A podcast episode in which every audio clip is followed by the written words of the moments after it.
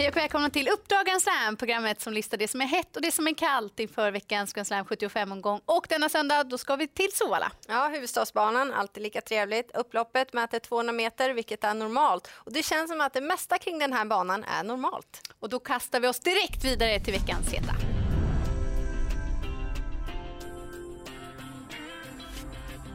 Det är treåringar som är upp i den tredje avdelningen och jag säger tredje gången gilt för jag tror ju att det är dags för nummer tre Nobby Styles Boko nu att sätta nosen först. Han har inlett karriären med två starka insatser utan att vinna lopp. I debuten fick han göra jobbet utvändigt om ledaren och senast ja, då drog han tåget redan 900 meter från mål och kämpade fint som trea. Jag hoppas såklart på en snällare resa denna gång och Mattias Djuse som tränar, ja han leder ju ligan på Sovalla helt överlägset och det är imponerande. Nästan var femte lopp vinner hans hästar.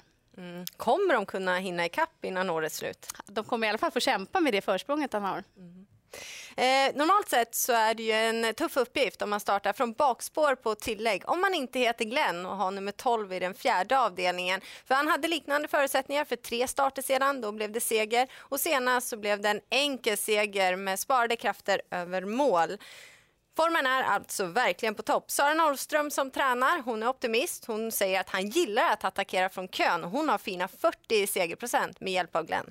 Och eh, Samotör har ju varit på alla släppar den senaste tiden, framförallt efter årsdebuten i förra veckan. Men här ska vi prata om hans lillasyster, nummer 6 Florence i den femte avdelningen, som såklart inte har samma krav på sig, men har ju inlett karriären väldigt bra med fyra segrar på sex starter. Det blev en lätt seger som vi ser på bilderna i årsdebuten. Jag tror att hon kommer vara ännu vassare med det loppet i kroppen och framför allt så har ju konkurrenterna respekt för henne.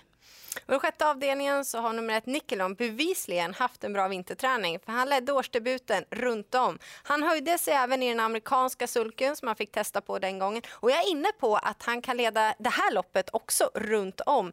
Långdistans, vi vet ju att han klarar det. William Ekberg som kör i det här lärlingsloppet, han har höjt sina siffror i år. Han har 18 i segerprocent och var ju både etta och tvåa på V75 under påskhelgen. Så kus kuskformen den är på topp. Och någon annan som har väldigt bra form för dagen det är Oskar Kjellin Blom. Det har blivit fyra segrar på stallets fem senaste starter och så här säger han om stallets två hästar på söndag.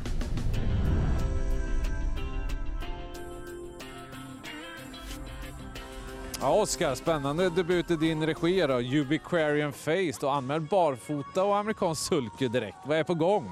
Ja, jag vet inte, men han har ju gått som mest hela sitt liv och eh, han har bara tränat tryckvagn sedan han kom till mig och sen var jag inne och körde ett jobb inne i Gävle och hur fort gick det då? Nej, det gick 16,5 så det var inte så mycket att säga kanske med tanke på vilken klass han är i. Men han skötte det bra och kändes väldigt fin men eh, jag gör de där sakerna för att han är ju den klassen och måste leverera direkt. Och vi har inget att spara på men eh, han kändes väldigt fin och jag tror han kommer behöva lopp i kroppen men det ska bli kul att se vad han gör när det blir tävling för träna är väl inte det roligaste han vet.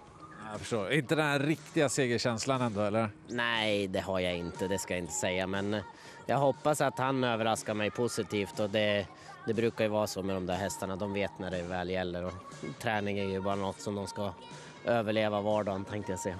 Jag förstår. Eh, vad tänker vi om Elysia då? Eh, innespår bakom bilen?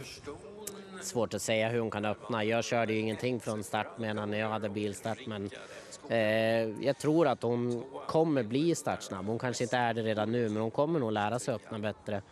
Eh, barfota bak tror jag kommer vara positivt. Sen kommer jag faktiskt tyngarna lite mer fram, för jag tycker inte hon har funkat som jag önskat. Och, eh, går lite tillbaka till den balansen som jag hade i när hon debuterade för mig. Eh, vagnen då? Och vagnen blir nytt och det tror jag däremot kommer funka jättebra för det är en otroligt fin travare och springer rakt och fin i vagnen. Så Amerikansk vagn ska vi säga. Ja, jag tror det kommer bli jättebra med amerikansk vagn så får vi se. Men hon måste höja sig mot sista starten. Men är hon som i första starten så hoppas jag vi får en bra resa och tjänar bra pengar. Ingen riktig segerkänsla där heller eller? Nej, inte med tanke på sista uppgifterna där eller sista starterna. Och vill jag ligga lite lågt men eh, samtidigt så är jag spänd på bägge hästarna för jag tror de kommer vara bättre än vad kanske jag räknar med och det hoppas jag. Men jag vill ändå ligga lite lågt tills jag vet att de presterar lopp. Tack så mycket. Tack.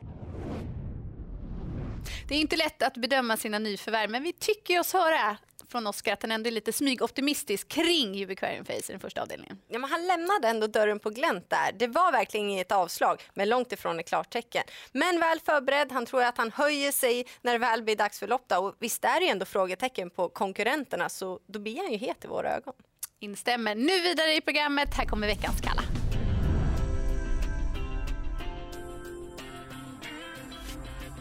Vi börjar i den andra avdelningen med nummer tre Current Leader som håller fin form och brukar svara för fina prestationer. Dock har han endast en seger på 28 starter och han har ju svårt till slut i loppen ibland. Så när han blir så här hårt betrodd, då tycker jag inte att han är het. Och I den sjätte avdelningen så är nummer nio Supermackan jämn och säker men väntar fortfarande på årets första seger. Nu aviseras det ett snällt upplägg och då krävs det tur för att vinna från bakspår. Dags för summering och går man på våra tips så här långt, ja då ser det favoritbetonat ut. Men hur bör man tänka Jennifer? Att det kan vinna flera favoriter och ändå bli utdelning. Det räcker att du får en lågprocentare så kan värde skjuta höjden. Till exempel då förra Grand Slam 75-gången. Fem favoriter hade vunnit. Inför sista avdelningen så var värdet lågt. Då fick vi en lågprocentare och värdet sköt, sköt verkligen i höjden. Och vi hoppas ändå på skräll i några avdelningar. Och vilka avdelningar vill du lyfta fram då?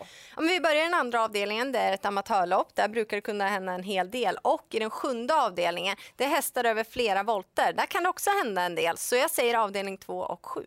Det är vår taktik inför söndagen. Hur ni gör det hemma, det vet vi inte, men vi önskar er stort lycka till.